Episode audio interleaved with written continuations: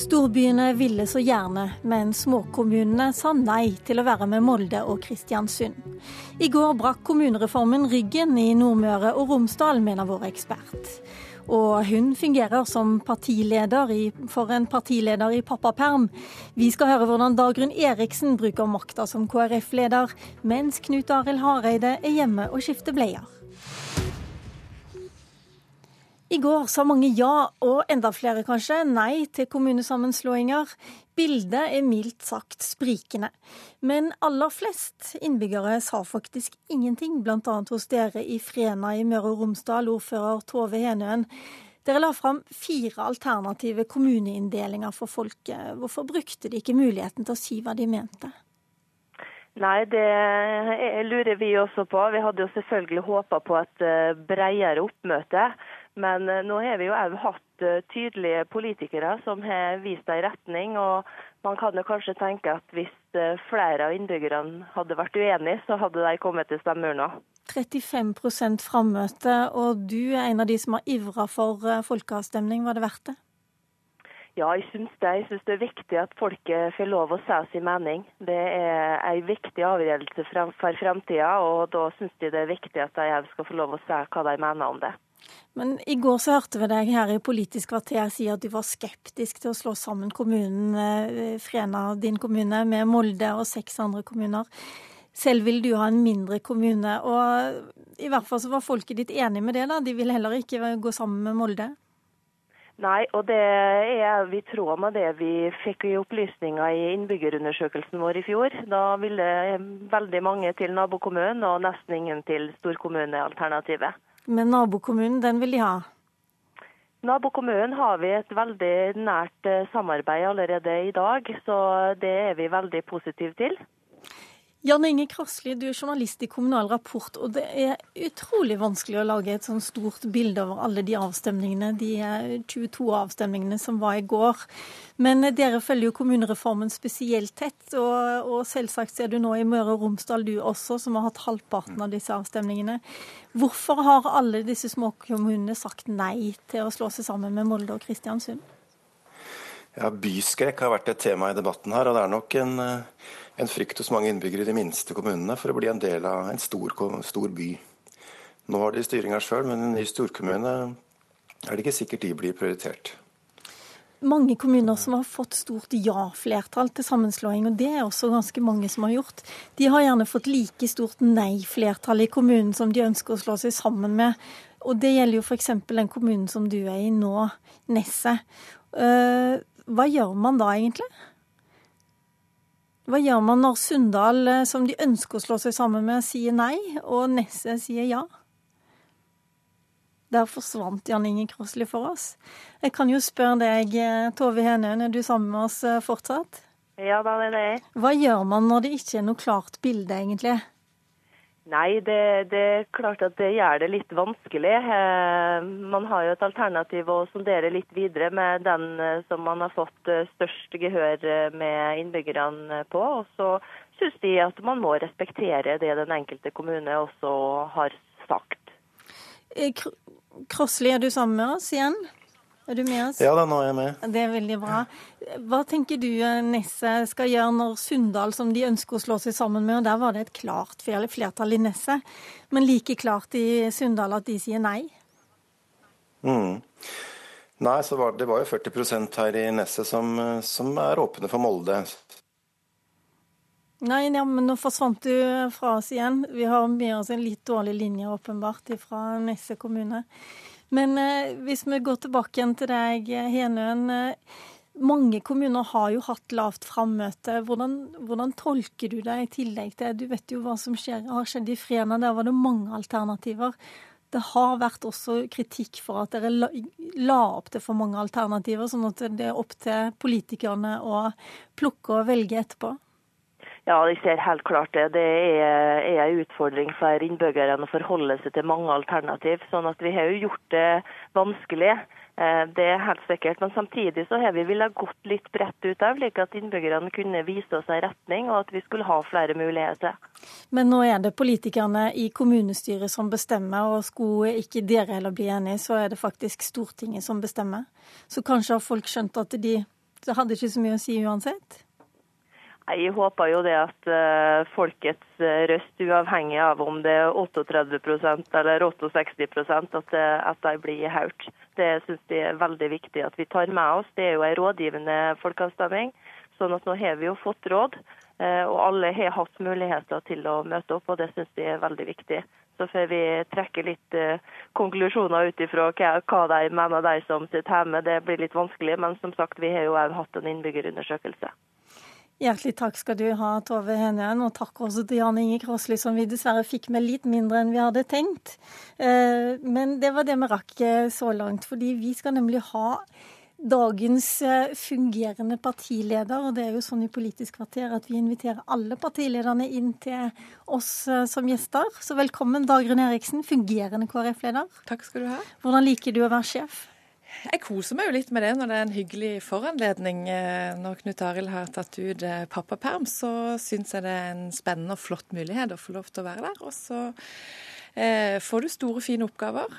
Lede landsstyret, holde tale der, og kanskje sette litt politisk preg på den tida som jeg skal styre.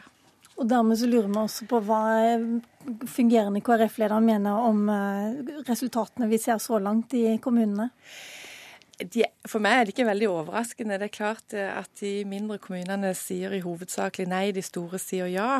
Og litt lavt oppslutning gjør at eh, det blir veldig komplisert både for lokale og nasjonale politikere å til slutt finne ut hvordan denne kommunereformen skal, eh, skal ende. Men Dere har sagt at det skal være frivillig, men hvordan tolker man egentlig folkets vilje nå?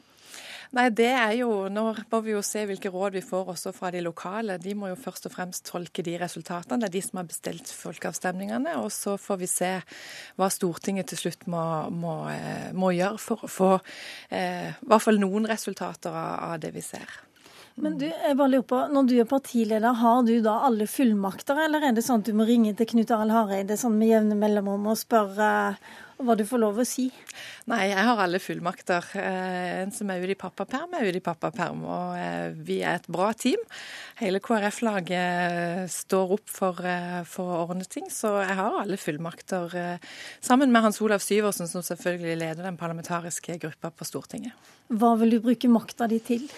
Jeg har først og fremst sagt at det er arbeidsledigheten som jeg mener går litt under radaren på den nasjonale debatten, som har vært viktig for meg å ta tak i. Derfor brukte jeg mye av min tid i landsstyretalen på det. Eh, og vi jobber mye med å finne både kortsiktige og langsiktige tiltak. For jeg tror at for familier som sitter rundt frokostbordet nå og har fått beskjed om at de har mista jobben, så er det en veldig krevende og vanskelig situasjon. Og ikke minst også for alle barna som kjenner en utrygghet i det de opplever av litt lavmælte stemmer og bekymra foreldre akkurat nå. Men hva er din stemme der egentlig? For både regjeringen og Arbeiderpartiet og de andre partiene er jo også opptatt av det samme? Ja, alle er opptatt av det samme nå. Vi kommer med en veldig konkret pakke som vi mener at må målrettes mot de landsdelene som er hardest ramma, og det er Sør-Vestlandet. Agder-fylkene og Rogaland først og fremst, men også i Hordaland og Møre og Romsdal så ser vi nå at nå kommer arbeidsledigheten økende der. Så det å være mer målretta på de tiltakene vi legger opp til, sånn at de når de regionene som nå er hardest ramma, og ikke generelle Eh, tiltak. Det tror jeg er viktig. Så vi ønsker å stille opp for de spadeklare tiltakene som eh, regionene sjøl har lagt på bordet, som egentlig ganske fort, hvis vi skaffer bevilgning, kan settes i gang, og som vil få fart i noe av næringslivet der nede. Er det en krise eller en omstilling vi ser nå? Jeg brukte begrepet krise i min tale, og jeg mener det er det. Eh, og den går litt under radaren, for vi snakker mest om flyktninger og vi snakker mest om andre ting i det politiske. Og jeg tror at de regionene som er ramma, opplever at dette ikke bare handler om de. Eh, 40% av eksporten på offshore drilling eh, supply kommer fra Sørlandet. Det betyr at dette har nasjonale ringvirkninger, det som vi nå ser, hvis ikke vi nå får tatt det. Og hvis ikke vi får tatt ungdomsarbeidsledigheten ned fort, så vil den bite seg fast. Og da vil vi få mange som står utenfor arbeidslivet, og det får nasjonale konsekvenser. Du, en av de store prøvelsene både for KrF og for regjeringen og samarbeidspartiene nå i vår, er jo innstrammingen i asylpolitikken som skal vedtas i Stortinget. Og til landsstyret ditt så sa du nå på fredag at konkurransen som nå pågår om å være den tøffeste og strengeste blant de europeiske landene, er uverdig. Mm. Hva syns du da om å støtte den regjeringen som driver den tøffeste og strengeste politikken, i hvert fall når det gjelder familiegjenforening? Nå har nok eh, det forslaget som ligger på bordet nå, får vi jo se om faktisk blir eh, realiteten. Eh, det har vært et bredt forlik i Stortinget som har stått bak de innstrammingene og vedtakene vi har vært sammen om nå. Det nå lurte jeg egentlig mest på hvordan det er å på en måte samarbeide med partier som syns det er helt topp. Ja, og det er jo det som er krevende. Og det er vel kanskje en av grunnene til at ikke vi sitter i regjering sammen. Det er jo at nettopp på asylfeltet så er det stor politisk avstand, spesielt mellom KrF, Venstre og Fremskrittspartiet. Eh, og det er vel også en av grunnene til at vi hadde en helt egen avtale på asyl. Og det har også vært litt av grunnen til at vi mener at det er ikke Fremskrittspartiet alene som nå styrer eh, hvordan Norge eh, sin håndtering av denne situasjonen skal skje. Dette er det et bredt storting som må stille seg bak. Og min utfordring er jo også til resten av Stortinget å stå opp nå. Vi har fått noen veldig krevende forslag fra regjeringen på bordet, spesielt knytta til familiegjenforening og midlertidighet for barn og unge som skal være her i landet. De to, eh, og også det som UNHCR, altså flyktningkommissæren og FN har utfordra oss på, som bryter med folkeretten, de tre tingene er vi helt nødt til å gjøre noe med i Stortinget. Og der kan heldigvis ikke Fremskrittspartiet bestemme dette alene. Det er et, eh, et flertall som må stille seg bak, og det håper jeg at Stortinget fortsetter å ta ansvar for, men at vi også beholder en verdighet og en humanitet i den største flyktningkatastrofen siden andre verdenskrig. I Stortinget så har jo flere Frp-ere nå tatt til orde for at man skal stemme over hvert enkelt forslag for seg, ikke som en samla pakke, og ikke nødvendigvis med forlikspartnerne inngå sånn stort forlik. Hva tenker du om det? Nå forholder jeg meg til det som Høyre og regjeringen har sagt, at de ønsker å ha samtaler innen forliket. Det er forliket som var foranledningen til at disse 40 punktene skulle komme. Men må du ikke forholde deg også til hva Frp sier i Stortinget?